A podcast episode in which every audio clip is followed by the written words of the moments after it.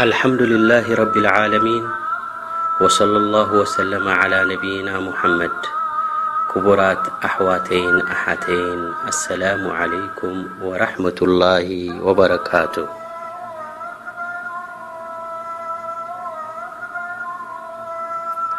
ድሕሪቲ ክቡርን ብሉጽን ዝኾነ ወርሒ ናይ ሻህር ሮመዳን ምውዳእና እንሆ ድማ ናብቲ ናይ ሓጎስን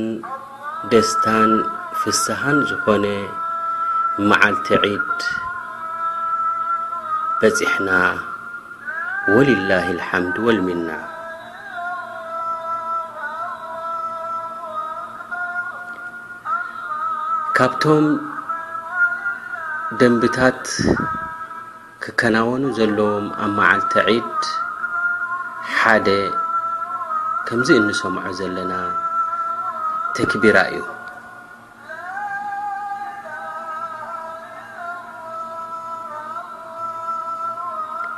ኣብ ለይለቱል ዒድ ጽባሕ ዩ ዒድ ተባሂሉ ምስ ተፈለጠን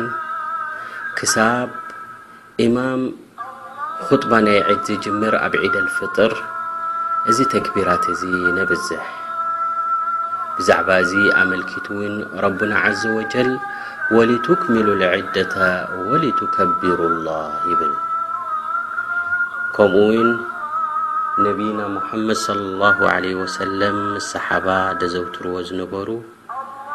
ዓብይ ዚክር እዩ። ዒድ ሓደ ካብቲ ምልክታት ናይ እስልምና ዘንጸባርቕ ናይ መዓልቲ ሓጎስ እዩ።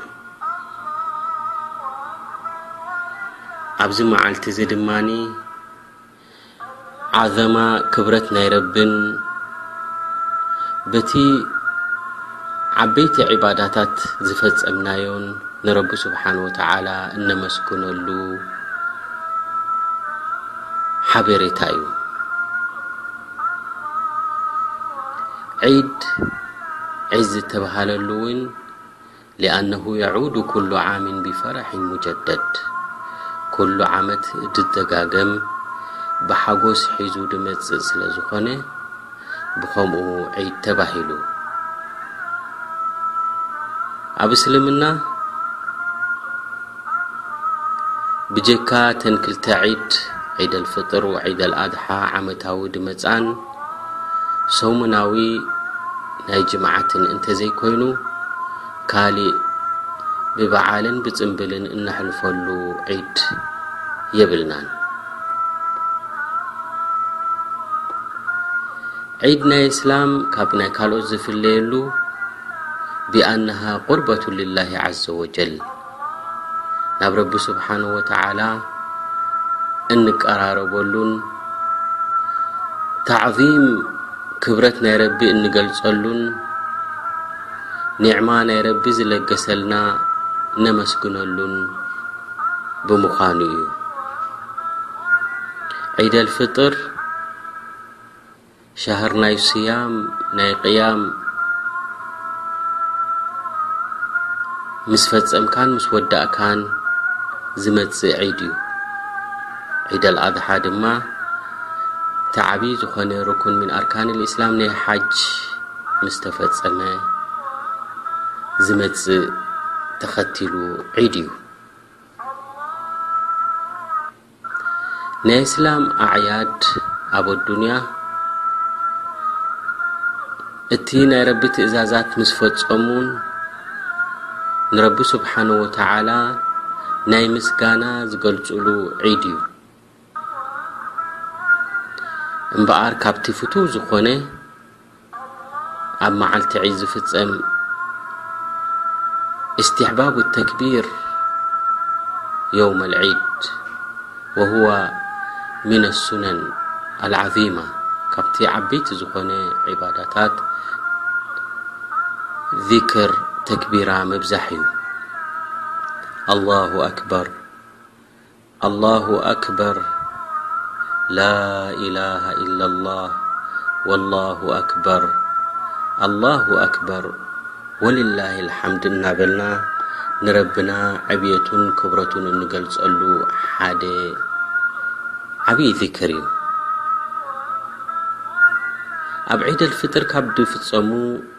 ደምብታት ቅድሚ ናብ ሰላት ምኻድካ ኣፍጢርካ ትኸይድ ትዝበለጸ ድማ ተምሪ ትበልዕ ከምኡ ውን እንተ ተምሪ ዘይተረኺቡ በቲ ሙባሕ ዝኾነ ፍቁድ ዝኾነ ዝብላዕን ዝስተን ኣፍጢርካ ትኸይድ ምክንያቱ ኣብ መዓልቲ ዒድ ክትጸውም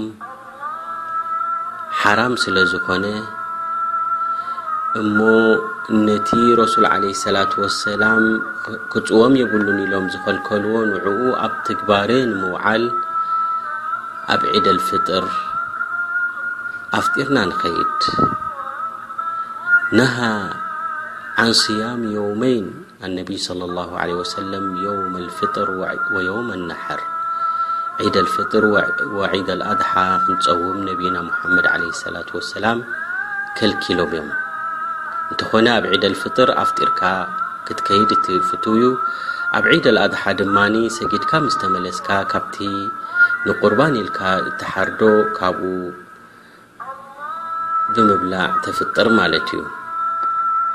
ከምኡውን ናብ ዒድ ክትከይድ ከለኻ ናይ መዓልቲ ሓጎስን ሰባት ዝእከቡሉ ቦታ ስለ ዝኾነን ፍቱውን ምሩፅን ይኸውን። ነፍስኻ ተሓፂብካ ብሉፅ ዝኾነ ክዳንካ ተኸዲንካ ክትከይድ ማለት እዩ። ንዑመር ረዲየላሁ ዓንሁ ኣርዳህ ናብ ዒድ ኣልፍጥር ክኸይድ እንከሎ ተሓጺቡ ይኸይድ ነይሩ። እብን ዑመር ድማ ካብቶም ተኸተልቲ ወይ ድማ ንሱና ናይ ነቢ ሰለላሁ ዓለይሂ ወሰለም ኣተር ብኣተር ስጉምቲ ብስጉምቲ ስድር ብስድር ዝኽተል ዝነበረ እዩ። ከምኡ ድማ እቲ ብሉጽ ክዳንካ ትኽደን ዝበልናዮ መርትዖ ናቱ ድማ ነቢዩና ሙሓመድ ዓለይሂ ሰላቱ ወሰላም ንኽልተኤን ዒድ ድኸውንን ንጁምዓን ዝለብስዎ ፍሉይ ክዳን ነይርዎም። ሰላት ልዒድ ከምቲ ፍሉጥ ክልተ ረክዓ እዩ። ሰላት ልዒድ ኩሉ ዓብዪ ምስ ንእሽተይ ወዲ ተባዕታይ ምስ ጓል ኣንስተይቲ ኣብቲ ቦታ ዝስገደሉ ንክረከቡን እቲ ኸይር ናይ ሙስሊሚን ክሳተፉን ንደቂ ተባዕትዮ ዑለማ ከምቲ ዝብልዎ ዋጅብ ክኸውን ከሎ ንደቂ ኣንስትዮ ድማ ፍትው ዝኾነ ዒባዳ እዩ ሰላት ልዒድ ክልተ ረክዓ እዩ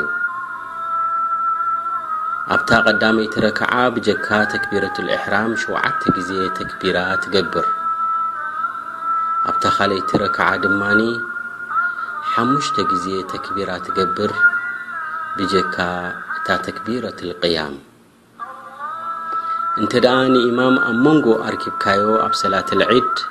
እተን ተክቢራት እንተ ደኣ ሓሊፈናኻ ኮይነን ንኸተምጽአን ኣይትግደድን ኢኻ በቲ ኣርኪብካዮ ዘለኻ ብኡ ኢኻ ትቕጽል ማለት እዩ ኣብ መንጎ እዚ ተክቢራት እዚ ካብ ረሱል ዓለይሂ ሰላቱ ወሰላም ዝተረኸበ ሓዲስ እንታይ ከም ዝበሃል የለን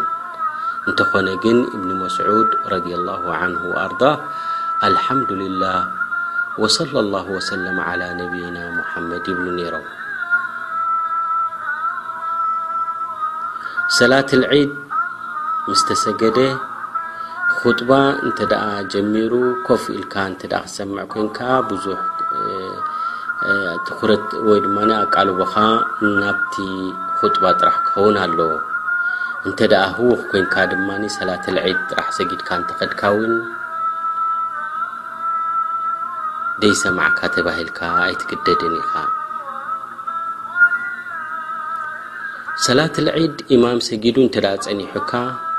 እሞ ኹጥባ እንተ ጀሚሩ ኹጥባኻ ምስ ሰማዕካ ነታ ሰላትል ዒድ ክልተ ረክዓ ልክዕ ከምቲ ኣገባባ ጌርካ ትሰግዳ ኣብ ቦታ ናይ ሰላትል ዒድ ምስ በጻሕካ እንተ ኣብ መስጊድ ውሽጢ እንተ ዘይኮይኑ እቲ ዝስገድ ዘሎ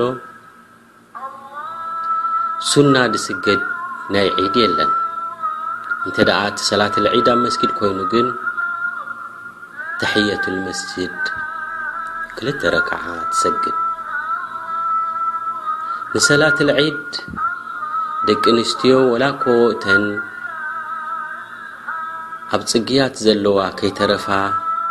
ክመጽኣን ካብቲ ናይ ቦታ ናይ ሰላት ውን እልይ ኢለን ነቲ ዱዓን ሰላትን ናይ ሙስሊሚን ክሪኣን ክሕወሳን ዝተፈትዎ እዩ። ሰላትል ዒድ ሰጊድካ ክትምለስ እንከለኻ፣ በቲ ዝመጻኻዮ ዘይኮነ ብኻሊእ መንገዲ ጌርካ ምምላስ ውን ሱና እዩ። ሰላትል ዒድ ምስ ሰገድካ ንኣሕዋትካ ኣስላም ኣብ ትረኽበሉ ተቀበለ ላሁ ምና ወሚንኩም እናበልካ ናይ ሓጎስ መግለጺ ክትገልጽ ፍቱውዩ ወይ ውን ንዑ ድመስል ዒድ ሙባረክ ኩሉ ዓም ወኣንቱም ብኸይር እናበልካ ናይ ሓጎስ መግለጺኻ ምንጽብራቕ ካብቲ ፍቱው ዝኾነ ተግባርዩ።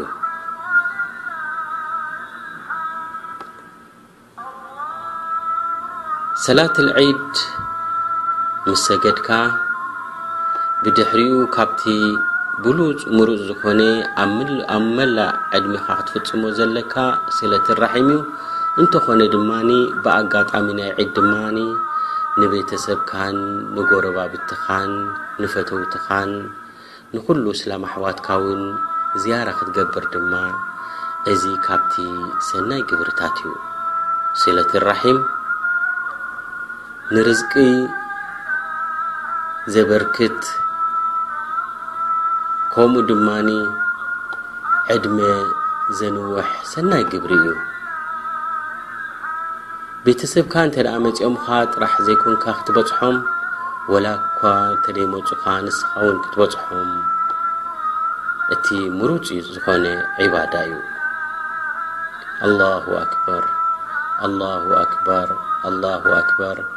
ላኢላሃ ኢላላህ ኣላሁ ኣክበር ኣላሁ ኣክበር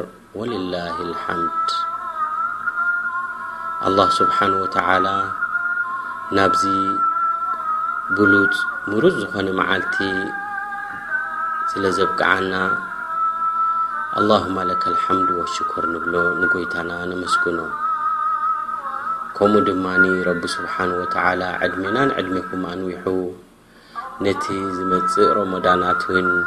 ጸወምቲ ክንኮውን ረቢ ሱብሓነሁ ወተዓላ የብቅዓና ኣሚን ወሰለላሁ ወሰለመ ዓላ ነብይና ሙሓመድ።